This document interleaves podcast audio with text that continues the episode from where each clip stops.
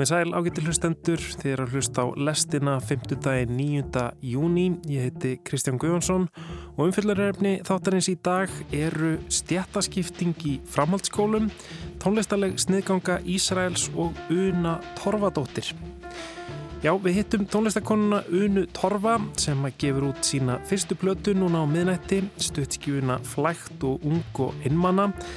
Við ræðum við unu um Sheeran, um söngelskan ráðherra og það hvaða áhrif lífshættulegt krabbamenn hefur á unga listakonu. Já, ég myndi segja að þetta hafi meira svona óbein áhrif á svona mig sem uh, skapandi mannesku.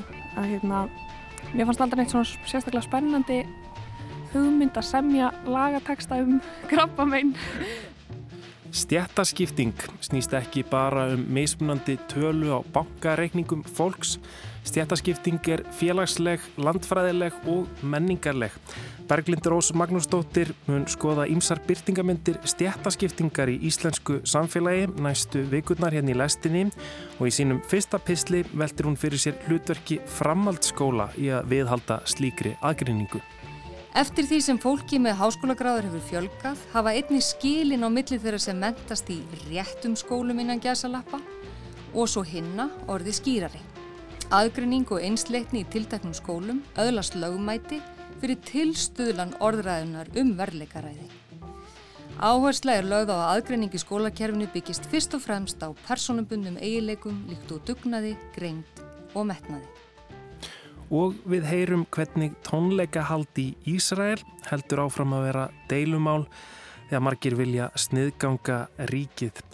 Meira um þá eftir en við ætlum að byrja á stjættaskiptingu. Það er Berglind Rós Magnúsdóttir, profesor við Mentavísundasvið Háskóla Íslands sem flyttur hér sinn fyrsta pistil af fjórum um stjættaskiptingu á Íslandi.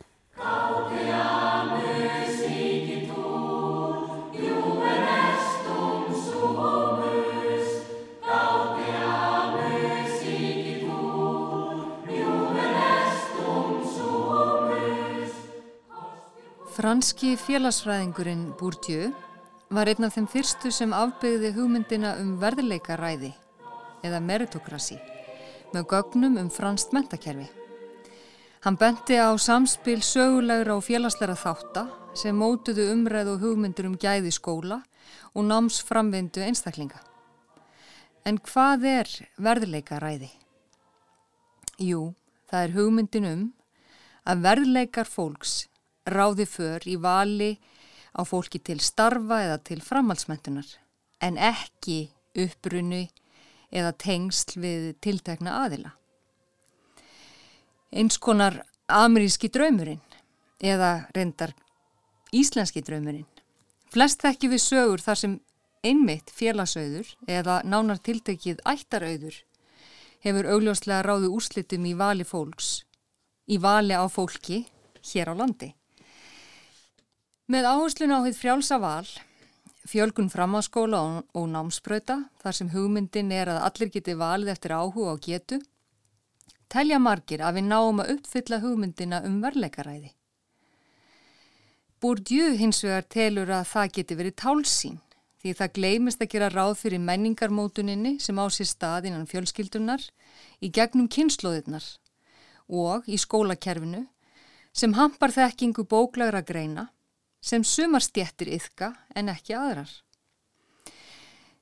Þessi innri formgerð kallaðan veruhátt eða habitus.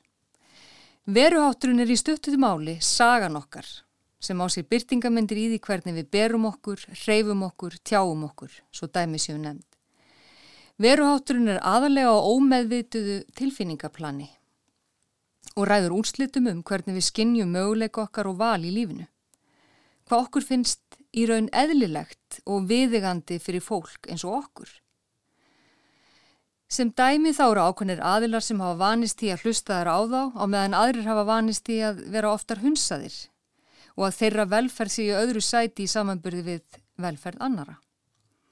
Smekkur er grundvallar atrið í öllu vali og hann er ekki meðfættur heldur þróastan og þarnast tíma til þróunar. Sumir hafa meiri tíma og yfirsýn til að þróa smekksin og lífstíl. Styrkur og samsetning á auðistórfjölskyldunar aftur í ættir getur skapað forskot. Við auður Jónsdóttir Ríðtöfundur áttum samtalum þetta á kjarnanum fyrir nokkrum árum. Það er hvernig innkoma okkar í mentaskólan og akureyri bara að með ólíkum hætti. Forfeður okkar komu þar við sögu. Ég á mér bláflippa uppruna úr sveitasamfélagi skagafjörðar og þar voru engar sérstakar hugmyndur um að ég er það komast í tiltekinn skóla. Ég hins vegar eldi skólaval vinkonu minnar En bræður hennar höfðu farið í Emma og reyndar öll fjölskyldan og ég unni mér vel við bóknám og náði nægilega góðum árangri þráttur í talsvert slugs. Auður hins vegar bjóð við pressu þeirra stjættar sem metur menningar og táknan auð mest. Hún þurfti að verða mikil kona sem myndi setja sveipsinn á samtíman með orðum sínum og gjörðum. Það kraðist þess að hún fær í skóla sem sköpuð henni tengslu önnur verðandi mikilmenni sögunar. Fyrr á tímum var það einfallega uppbrunni eða félagsauður sem treyði mönnum, já, ungum karlmönnum, sæti á æðri skólabekk. Um þetta fjallar Pétur Gunnarsson í bóksinni Personur og leikendur, þar sem segir meðal annars. Vagnin kom sigland eftir farvegi götunar og hinn geðstyrði Karon ferjaði sálirnar áfram eftir að þær höfðu framvísa smápenningu með að teki út úr sér strætómiða.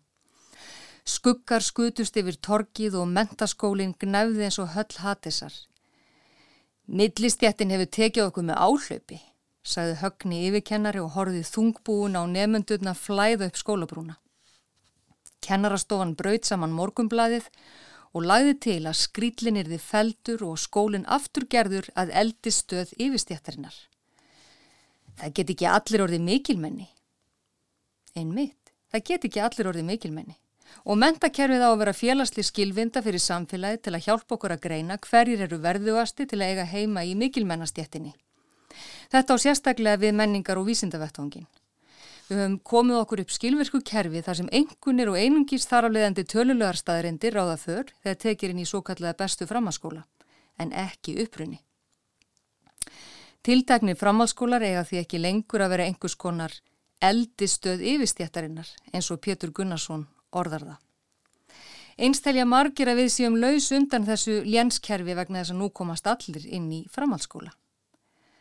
Bourdieu varaði hins vegar við slíkum einföldunum því endursköpun misréttis finnur sig gerna nýjan farveg. Setning stjórnmálamannsins sem segir stoltu frá því að nú geti allir gengið í framhalskóla hljómar eins og höfum sigrast á stjættaskiptingu. En þannig er að þrátt fyrir að allir geti gengið í framhalskóla skiptir verulegu máli í hugum nefnenda ef markam á niðurstöður ansókna hvaða framhaldsskóli það er. Það á ekki síst við þá sem e, tilhera háskólagengnu millistjættinni. Við erum eftir sem áður með stjættaskiptingu en nú er hún sínileg innan mentakerfisins en byrtist ekki engungu í því eins og áður hverjir voru útilokaðir frá mentakerfinu. Þannig var það þegar amma okkur á afi voru ung Þá var það útilokunin frá framhaldsskólavettvanginum sem skilgrendi misréttið. Í staðin fyrir útilokun höfum við nú brattara stegveldi milliskóla sem byrtist meðalans í hörðum dómum nefnda um það hversu verðuar eða óverðuar týpur sækja tiltekna skóla. Æmeir hefur þurft að treysta á mentakerfið og langt náma háskólastíð til að geta endurskapað stjættarstöðu sína. Eftir því sem fólki með háskólagráður hefur fjölgað hafa einni skilin á milli þeirra sem mentast í réttum skólum innan gæsalappa og svo hinna orði skýrari. Aðgrinning og einsleitni í tilteknum skólum öðlast lögumæti fyrir tilstuðlan orðræðunar um verleikaræði. Áhersla er lögð á að aðgreiningi skólakerfinu byggist fyrst og fremst á personabundum eigileikum líkt og dugnaði, greind og metnaði. Hver elskar ekki að vakna klukkan 6 Fá sér kaff og smellu Taka stræt og læri honu spjallum Pólitík við gælu Prófið er í fyrsta tími Lætað ekki stoppa mig. Í latínu sögnunum Það mun sko enginn toppa mig. Ég verð hæstur í begnum að há um stall Og það lega toppum með þúsund fall Í stundasmá sem ég spenn Send ekki SMS Læra alltaf heima og glými við stress. Uh. Hérna líður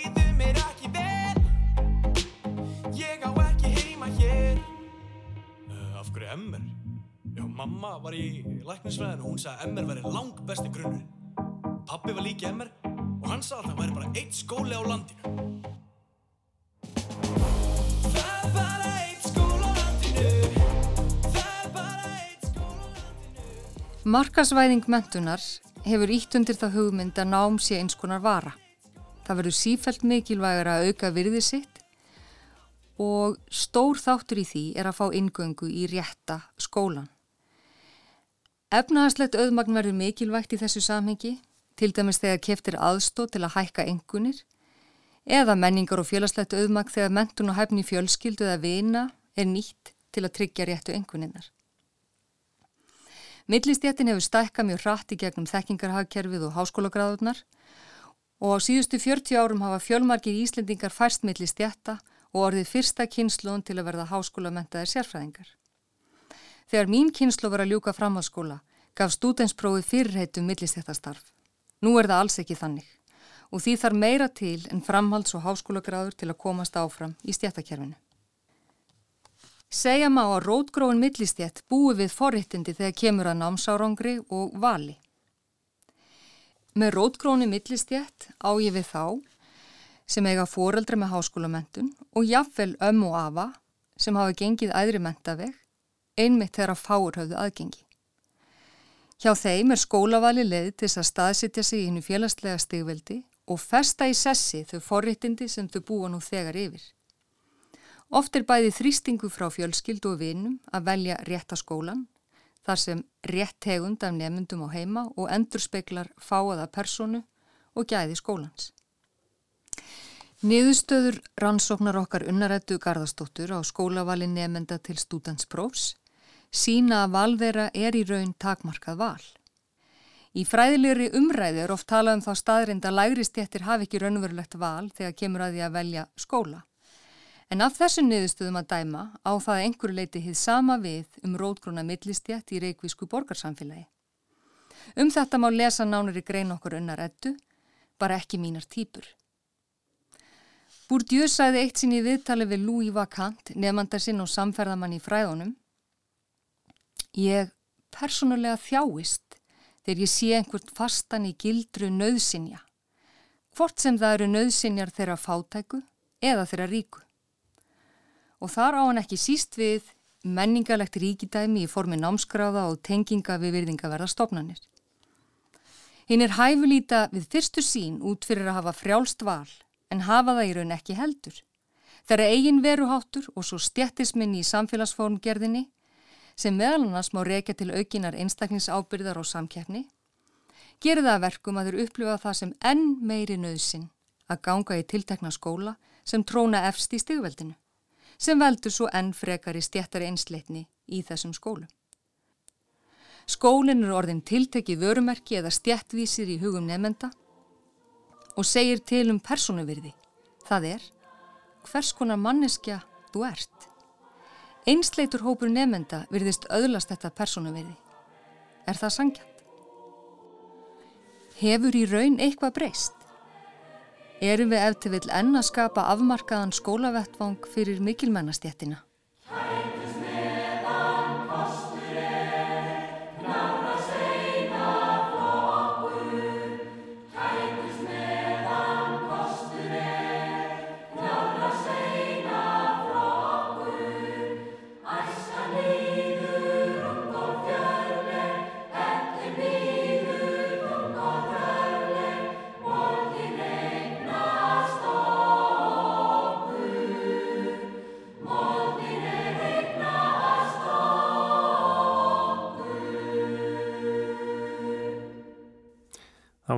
Berglind Rós Magnúsdóttir, profesor við Mentavísundasvið Háskóla Íslands sem að rætti um stjætaskipningu í framhaldsskólum hér á landi. Berglind verður aftur með okkur í næstu viku, heldur það áfram að velta fyrir sér stjætakerfi Íslands samfélags.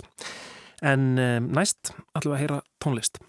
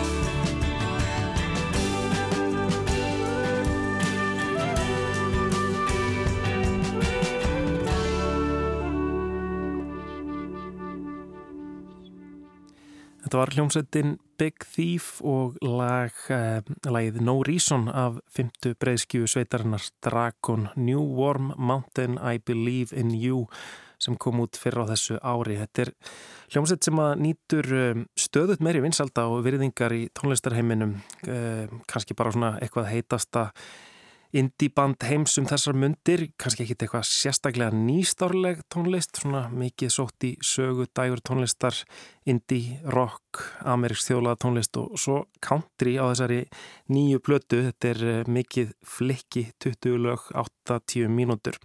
En það er einhver svona, já, tímalös sjarmi í þessu sem að virðist ná til fólks af ólíkum kynsluðum og, og það er kannski ekki síst þessi tjáningaríka rödd og flutningur söngkonunar Adrian Lenger sem snertir einhvern strengi í hjörtum fólks. Og ég held ég verið bara að segja að Lenger er, hefur svona verið að stimpla sig inn sem einhver besti lagahöfundur sinnar kynsluðar Það er eiginlega magnað, um, það hafa komið út fimm plötur frá sveitinni á síðustu sjö árum og, og um, eiginlega bara hver plata fær betri dóma en svo undan alveg frá uh, fyrstu plötunni sem hétt hinnu hófsama nafni Masterpiece, mestaraverk og, og svo alveg til dagsins í dag. Um, en þessi sveit Big Thief sem er um, já, frá Brooklyn í bandaríkjunum, þetta er svona Brooklynar hipsterar, Um, þau hafa svona, já, eiginlega ekki stíðið feilspor, sko, þanga til eiginlega svona núna í síðustu viku eða í vikunni þá hérna, það hefur staðið svolítið styr um sveitina eftir að hún tilkynnti, hún ætlaði að spila á tónleikum í Tel Aviv í Ísrael í júli. Það hefur náttúrulega verið svona Já, skiptar skoðanir um það hvernig eh, listafólk á á að takast á við ástandið þarna fyrir botni miðarahafs hernám í Ísrael í, í Palestínu og um, margir tónlistamenn ákveðið að sniðganga ríkið almennt og, og ekkert spila á tónleikum Ísrael. Roger Waters úr Pink Floyd hefur svona staðið fyrir sniðgungu herrferð. Um, En sem sagt, já, Big Thief tilkynntu þarna fyrir, fyrir tæpri viku að þau ætlaði að spila uh, á tónleikastanum Barbie í Tel Aviv í júli. Þau reynda spiluðu þarna árið 2017, hafa spilað þarna áður og, og ætluðu að gera það aftur árið 2020. Það var hérna á, á tónleikaferðarlegi þar sem að þau ætluðu einmitt líka koma við uh, á Íslandi, hljómahöllinni í Reykjanesbæ. En svo þetta gerist COVID, uh, þannig að þeirri tónleikaferðar eðlilega frestað eða aflýst. En ég veit það ekki, líklega voru þau kannski bara ekki alveg orðin nú fræg á þeim tíma til þess að þetta vekt einhver viðbröð um, en allavega núna þegar þau tilkynntu um þessa tónleika í Ísrael þá uh, fundu þessu greinilega knúin bara til þess, að, til þess að afsaka sig einhvern veginn fyrirfram þannig að þau sendu út tilkynningu þar sem þau útskýru þessu ákvörðin sín að spila í Ísrael. Um, Bassarleikari hljónstærinnar, uh, Max Oleartjek, hann er frá Ísrael og, og fættur og uppalinn í Tel Aviv og, og hljónstærinnar sögðu að, að þetta væri svona já, mikilvægt fyrir þau uh, bara sem vini og, og persónlega að fá að spila á hans heimaslóðum og fá að kynast æskuvinum hans og fjölskyldu og hérna fá að vera einhvern veginn í sama, sama rými og þau Um, því að þau eru búin að gera þetta auðvitað um, undanfærin ári í, í heimalandi hinn að þryggja sem eru bandaríkjaman. En þau uh, sögðu í þessari tilkynningu að þau væru meðvituð um erfiða stöðu palestínumanna og átti sig á pólitíkinni sem fylgist í að spila í Ísrael. Um, viti ekki hver rétta afstæðan í þessu máli e, sé en en ákvaðu enga síður að allur ágóðið þessum tónleikum myndi renna til um, góðgera samtaka sem, a, sem, a, sem að vinna að mannúðar aðstóð til uh, palestinskra barna. En ég veit ekki alveg hérna sko við hverju þið voru búast en, en viðbröðin frá aðdóðundum voru gríðarlega hörð og, og maður sá einhvern veginn að samfélagsmiðlar bara fylltust af óanæðum uh, aðdóðundum sem að bara já, fordæmdi þessa ákverðun og núna í dag held ég bara hafi, hafi verið sem sagt eh, fimm, fimm dögum eftir eftir að tónleikarnir voru kynntir þá sendi hljómsveitin frá sér nýja tilkynningu þar sem að hún sagði að það væri hægt við þessa tónleika um, lögðu áherslu á þau stittu heilshugar við, við um, baróttu palestínumanna kröfur þeirra um mannrindi og, og, og frelsi sjálfs ákvöruna rétt og sögðu að eftir samtölu við vini, aðdáendur og styrningsmenn sniðgöngunar þá hafið þau átt að sjá þau að, að þau hef ekki tekið þetta jafn alvarlega og að krefðist. Þannig að já, þannig að þessi tónleikar eru, uh, þeim hefur verið aflýst, um, tónleikastadurinn, Barbie í Tel Aviv, uh, ekki ánaður með þetta, búin að senda frá sér yfirlýsingu um, þar sem að, það sem að um, hvað ég var að segja, hugleysi hljómsveitarinnar er einhvern veginn fordæmt. En já, þannig að það verði ekki tónleikar með Big Thief í Ísæl uh, og, þau hafa ekki enþá komið til Íslands en vonandi, vonandi kemur að því en uh, nóg um tónlist Erlendis, við ætlum að halda heim á miðnætti kemur út um, platan Flægt og tínd og einmanna með tónlistakoninu Unu Torfa.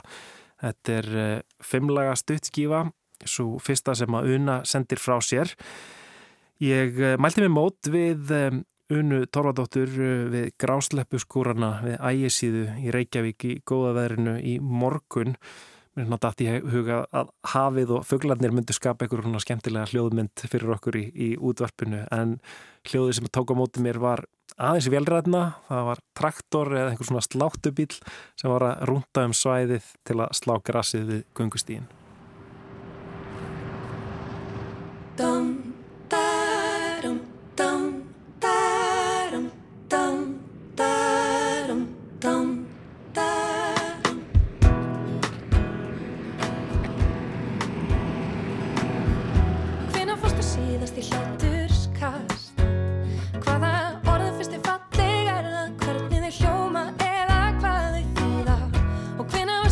gungustíðin.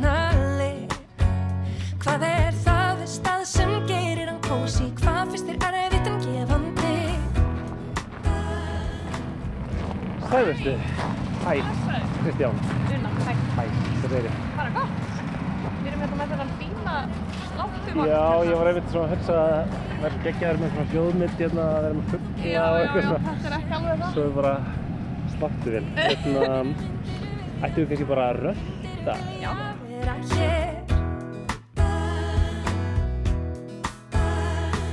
svara öll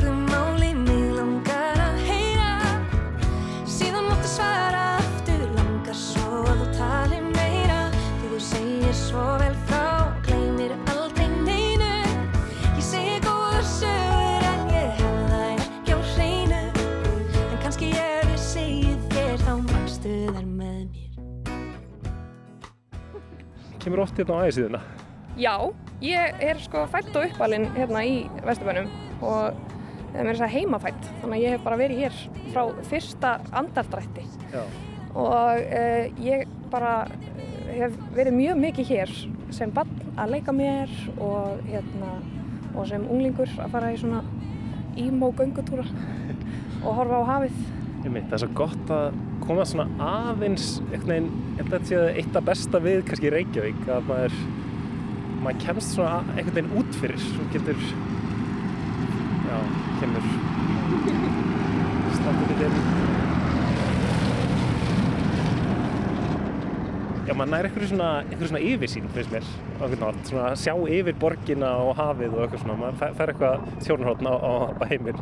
Já, það er náttúrulega alveg magnað að heyra frá fólki sem að elst upp á hérna, meginlandinu í Evrópu eða annars þar í heiminum og hefur kannski bara aldrei séð sjóin og svo býr maður hér og það eru bara það er alltaf fjöll í auksín og sjórin er alltaf nálagt og mér finnst það svo ótrúlega uh, gefandi og mér finnst svo mikill svona kraftur og orka í því að vera svona nálagt svona stórum náttúruöflum og svona áminningum um hvað við erum lítill í rauninni. Einmitt. Hérna, hvað ertu búin að vera að gera tónlist lengi?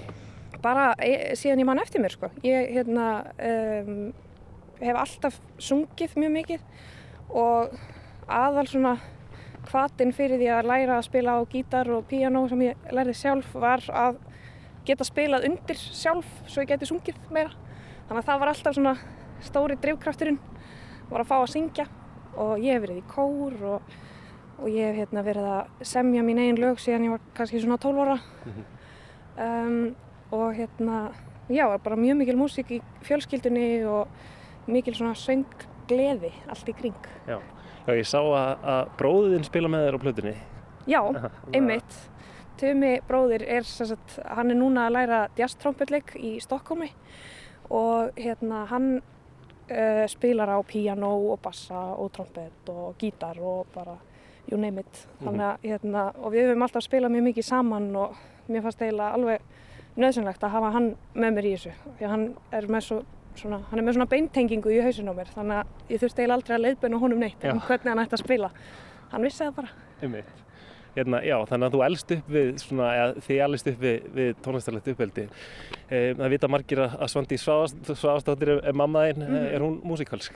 heldur betur sko, það er svona já, mamma og pappi sko, þau kynntust í dómkornum og þannig að hérna það er svona, mér það líka svolítið tákrænt að það var svona tónlistin sem að svona bjóð til þessa fjölskyldu svolítið, Já, svo ég leiði mér nú að vera svolítið dramatísk.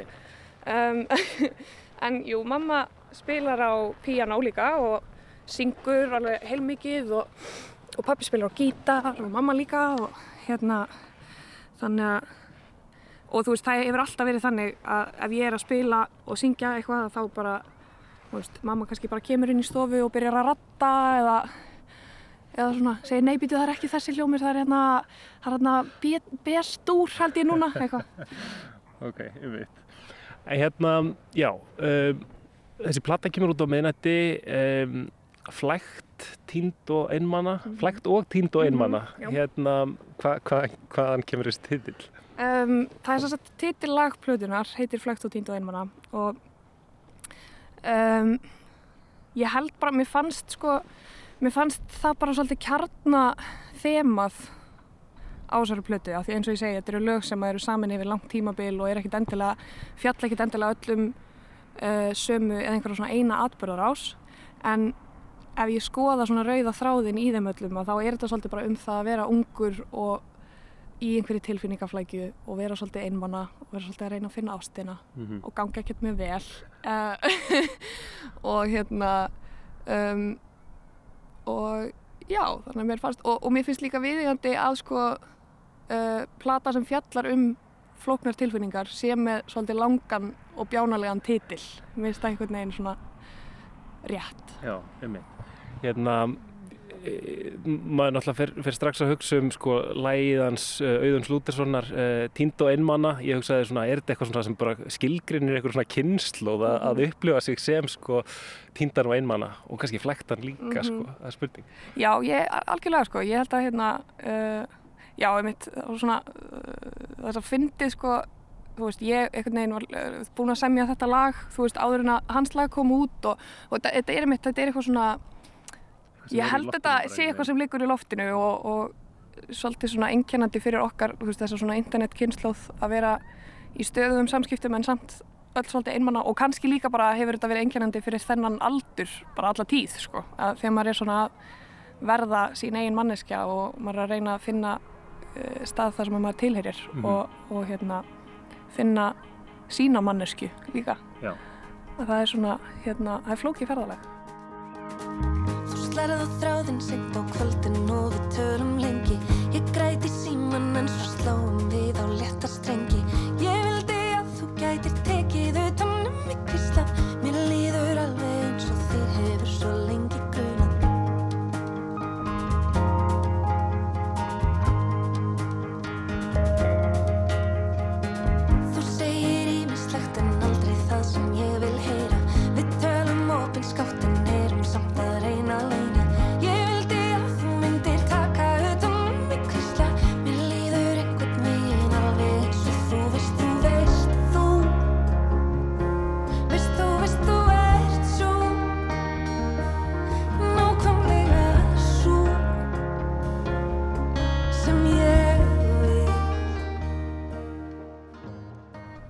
segir að- þessi plata hafi orðið til á, á bara svolítið mörgum árum en þú ert ekkert orðin neitt mjög gömul. Hvað, hvað ertu gömul?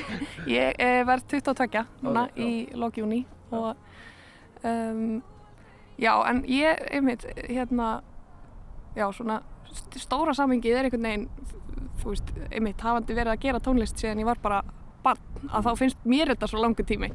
Og hérna, og það er náttúrulega líka alveg svolítið langur tími fyrir eina plötu, eina svona litla plötu að vera í, tvö ár í, í hérna, í svona, í framkvæmt, en það er líka bara fallegt held ég að gefa sér tíma í að melta og, og, hérna, og vanda sig og, hérna, og hafa gaman af ferlinu. Mér fannst það eiginlega mikilvægast að, hérna, að vera ekki að setja um mikla pressu á mig að þetta Mhm. er því fullkomið, heldur að þetta er því um, satt og fallegt og að ég myndi klára þetta og gefa þetta út á endanum. Það var svolítið svona loka nýkkurinn. En það hefur nú örgulega verið líka nóg annað uh, að, að takast á við. Ég sé að þú hefur verið í uh, listaháskólanum, Mm -hmm. uh, Sviðshöfundabraut, búinn þar eða hvað? Nei, ég sem sagt uh, hætti í listaháskólanum eftir að ég greitist með krabba minn og hérna ákvaða, já ég svona bara fann það hjá mér að það var eiginlega bara mikið að vera bæði í meðferð og í svona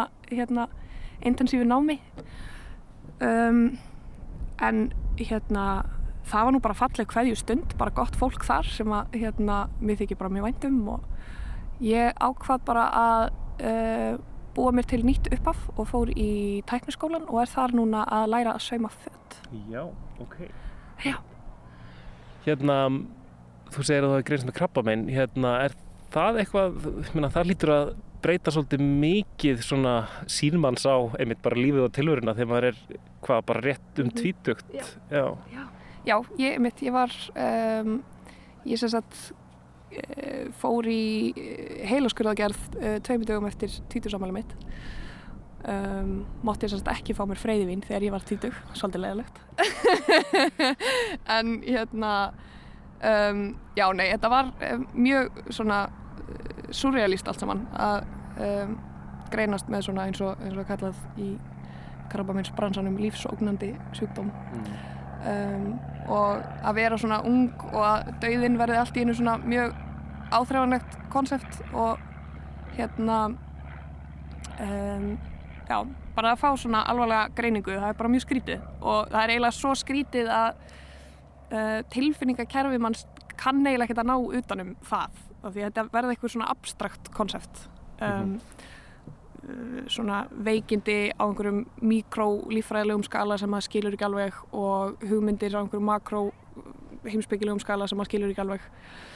Um, þannig að hérna, það hefur klárlega bara mjög mikil áhrif á hvernig maður sko um, lítur á heiminn og lífið. En svo á sama tíma er lífið svo magnað að maður getur eiginlega vanist öllu og allt í hennu verður það bara fellur það svona inn í bara uh, leikmyndina í lífinu að já, svo er ég líka með krabba minn og já, hérna svo þarf ég stundum að fara hérna í geislamæðferð eitthvað og það, svona, þetta er ekki þetta er ekki alltaf drama og þetta er ekki alltaf horror um, en hérna en sem betur fyrir þá gekk meðferðin mín mjög vel og aðgerðin sem ég fór í alveg bara, þú veist, þetta var eiginlega bara kraftaverk eftir kraftaverk og núna í dag er ég bara í eftirliti og er í rauninni bara krabba minns laus Vá.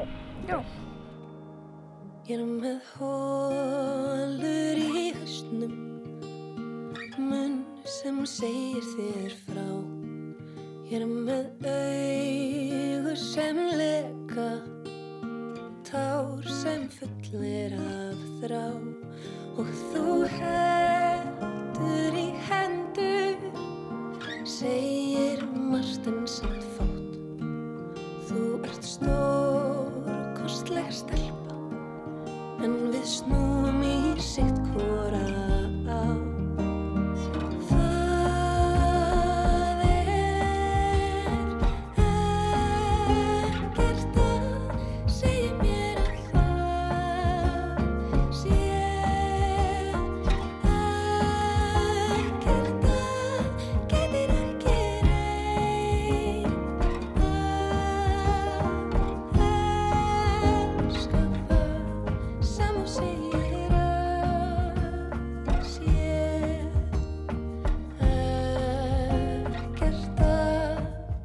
Rattar þetta einhvern veginn inn í tónlistina er, eða er þetta einmitt eitthvað svona bara of, uh, hvað ég var að segja, ab- abstrakt til þess að einhvern veginn ná inn í þessar, svona, þessar tilfinningar sem þú ert að vinna með í tónlistinni?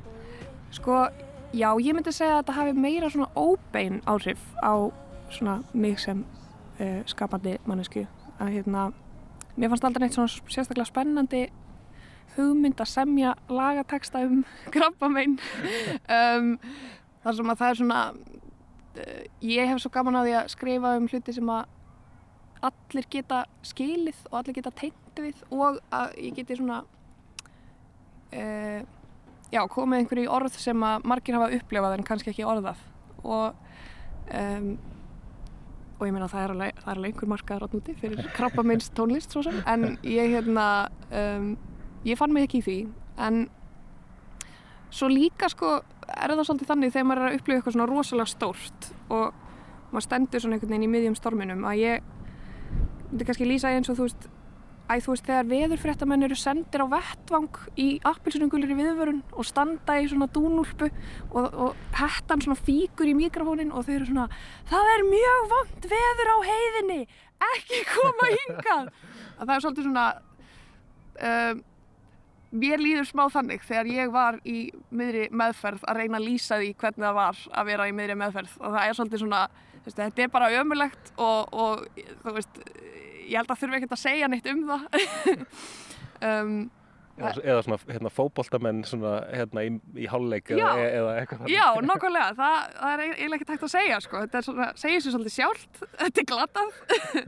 Um, og hérna en auðvitað, en já, þessi óbeinu áhrif sko, eru eitthvað sem að hérna, held ég hafi bara verið, já, mjög stórt í mínu lífi var að sko það að veikjast og einmitt eins og ég segi svona standa fram með fyrir því eða eitthvað svona að lífið sé ekki endalaust og, og hérna að þá allt í einu svona eh, fara litlu hlutirnir og litlu áhyggjurnar af uh, þú veist um, svona hverstaklegum hlutum blikna bara í samanbyrði við uh, þetta stóra og þá fara svona hlutir eins og áhyggjur að því þú veist bara hvort að einhver muni vilja hlusta á tónlistina mína eða hvort hún sé nóg góð eða þú veist það bara skiptir einhver máli Mhm.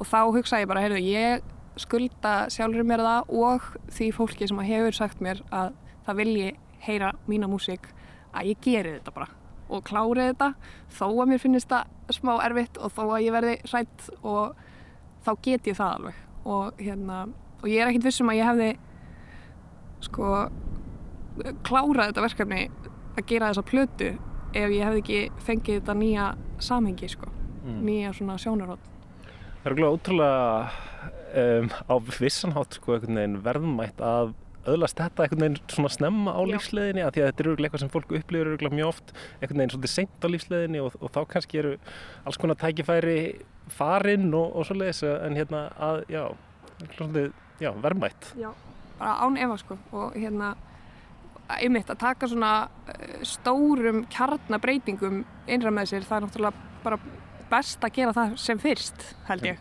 um, og þegar maður er einhvern veginn með allt lífið framöndan og getur svolítið svona tekið þessar stóru lífsákvarðanir með þetta í bakbókanum sko.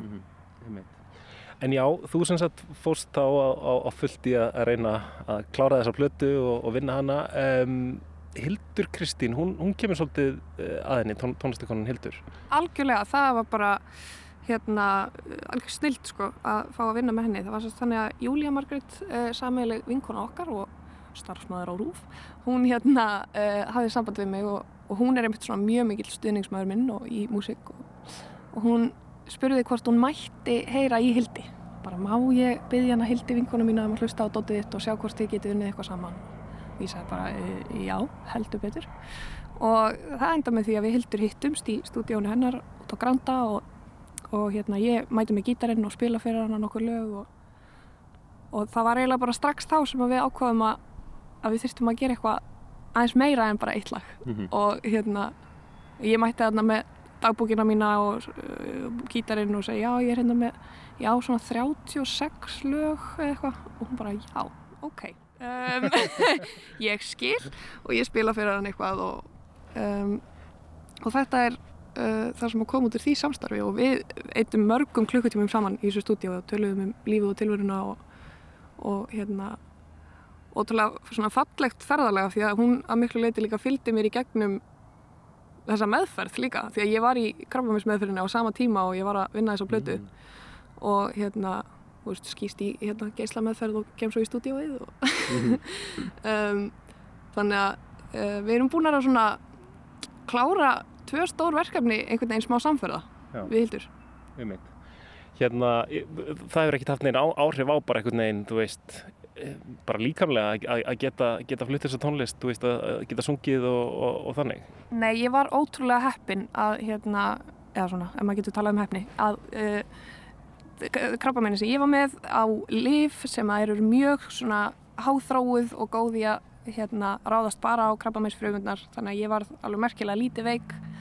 Um, þetta var auðvitað ekkert einhver dans á rósum en það var samt hérna um, ég var með bara uh, ansi mikið þreg meða við og, og það að gera tónlist hefur líka alltaf verið svo ótrúlega gefandi fyrir mig og algjörst svona atkvarf þegar lífið er svolítið erfitt. Að þannig að mér fannst það alltaf bara hjálpa mér að liða betur ef eitthvað. Stundum er ég sterk.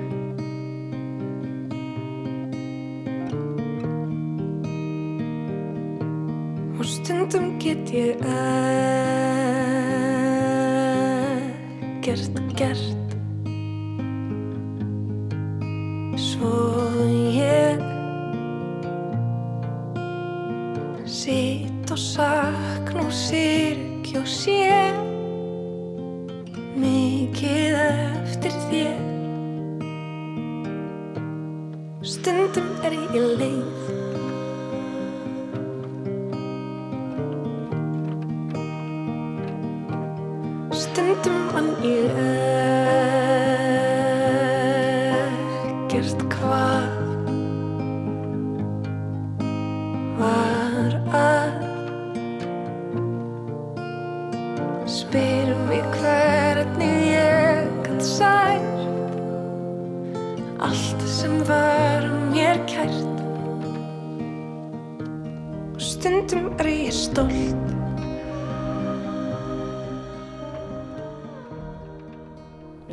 Og sögum aðan þá er þetta svona einhvers konar einmitt söngva skálda tónlist, hún poppuð að, að vissu leiti, um, samt líka svona melankólískir textar og, og svona. Um, eru einhverju svona listamenn sem þú ert að líta til eða veist, hva, hvað ert að hlusta á, hvað hérna, um, já. Já, sem sko unglingur þá hlustaði ég rosalega mikið á fyrstu plötuna hans Ed Sheeran og hún hafi mjög mikil áhrif á mig og, og sérstaklega bara svona YouTube-vídeó af honum að performera einn á sviði. Mér fannst það svo magnað. Ég var bara, já þetta er hægt, þetta er í bóði að vera bara einn með gítarinn og hérna, og vera samt, þú veist um, að gera svona poppaða músík og þú veist, grípandi dót og um, þú veist, meðist hann brú eitthvað svona smá bil á milli svona akústik hérna, söngarskálda, tónlistar og pops og mér finnst það spennandi sko en svo núna í hérna setni tíð hefur ég meira verið að hlusta á ég hlusta mjög mikið á stelpur sem heitir Dodie Clark bresk hérna uh, breskur lagasmiður og sönguna og, og hún er alveg mögnuð og hún er svo mikið sjálflærið og hérna uh, skrifar alveg magnaða texta og, og ótrúlega flottar spennandi laglínur og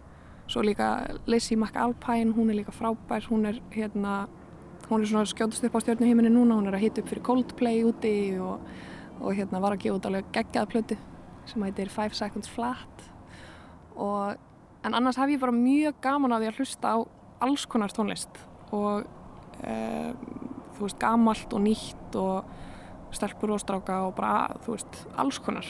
Um, það, er svo, það er svo gaman að fylla hausinn af hugmyndum og, og hérna svona nýjum ströymum Mm Ég googlaði aðeins hérna um, kíkti á þig á, á Google og, og sá að þú hefur hérna svona í gegnum tíðina svona aðeins látið þig svona pólitíkvarða og hérna uh, tjáði á ofnbjörnum vettvangi um, um hérna feminisma og, og svona og svo, svo er, er, er mammaðinn í, í pólitík. Er, er eitthvað pólitík í tónlistinniðinni? Þetta er góð spurning. Ég hérna, um, sko, ég- já, við mamma tölum einmitt mjög mikið um hérna, það í tengslum við feminisma að um, hugmyndina að sko breyta með því að vera. Og þetta er svona konsept sem að snýst í raunum það að við konur þurfum ekki alltaf að vera að tala um feðravildið og misrættið og uh, órættlæti heimsins þó það sé mjög mikilvægt að gera það. Heldur breytum við líka heiminum með því að vera og taka pláss og gera það sem við höfum áhuga á og gera það vel.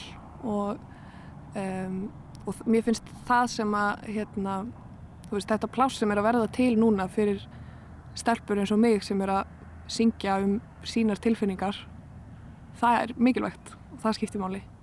Og það er ótrúlega fallegt að sjá hvað það er að verða til um, mikil stemning fyrir því og að hérna um, og mér finnst það svona pólitíst bara í sjálfu sér, það er alltaf einhver pólitík í allir list og um, en ég meina hver veit, kannski skrifa ég einn daginn nýtt lag sem að verður á pari við hérna áfram stelpur en ég meina, hvað veit maður? Um, Una Torfa, um, platan kemur út á miðnætti, um, flægt og tínd og einmanna og svo eru tónleikar á morgun á keks og það ekki. Já. Uh, já, bara gangiði vel og, og hérna, til hamgjum hlutra og takk fyrir að setja stunda með mér á þessum fallega degi uh, horfa yfir hafið við ægisíðuna. Mm, takk kærlega fyrir. Segðu mér hvernig ég virðist fyrir þér. Flægt og tínt og einmannati hvað ekki nærri mér. Eða hefur mér tekist að sannfæra þig um það að ég sé laus við all vandamál sem algengt er að hrjái unglinga. Það er ekki mér að kenna þú heldur að ég sé með frá þegar ég er með þér. Ég hef aldrei þóst geta verið neitt annað nákvæmlega það sem ég er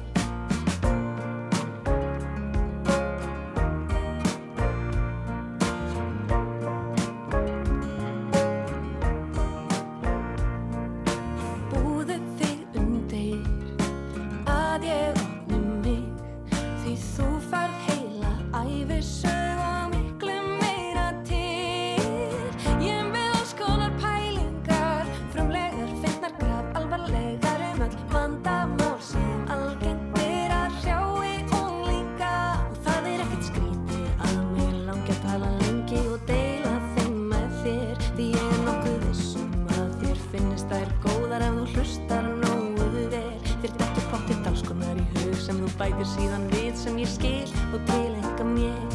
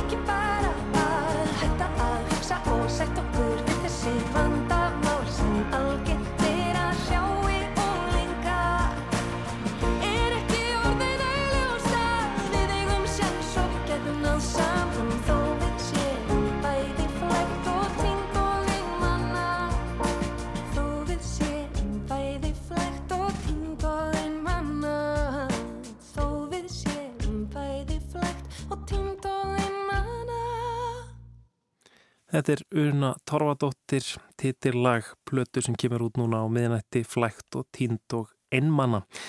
En þá er lestin komin að leðalokum þennan fymtudaginn og þessa vikuna við Lóa Björk verum hérna aftur á sama tíma á mánudag, stundvísislega klukkan 17.03. En um, já, við erum komin að leðalokum, ég Kristján Guðjónsson og Kormákur Marðarsson, tæknumæður, þökkum fyrir samfélgina í dag. Verðið sæl.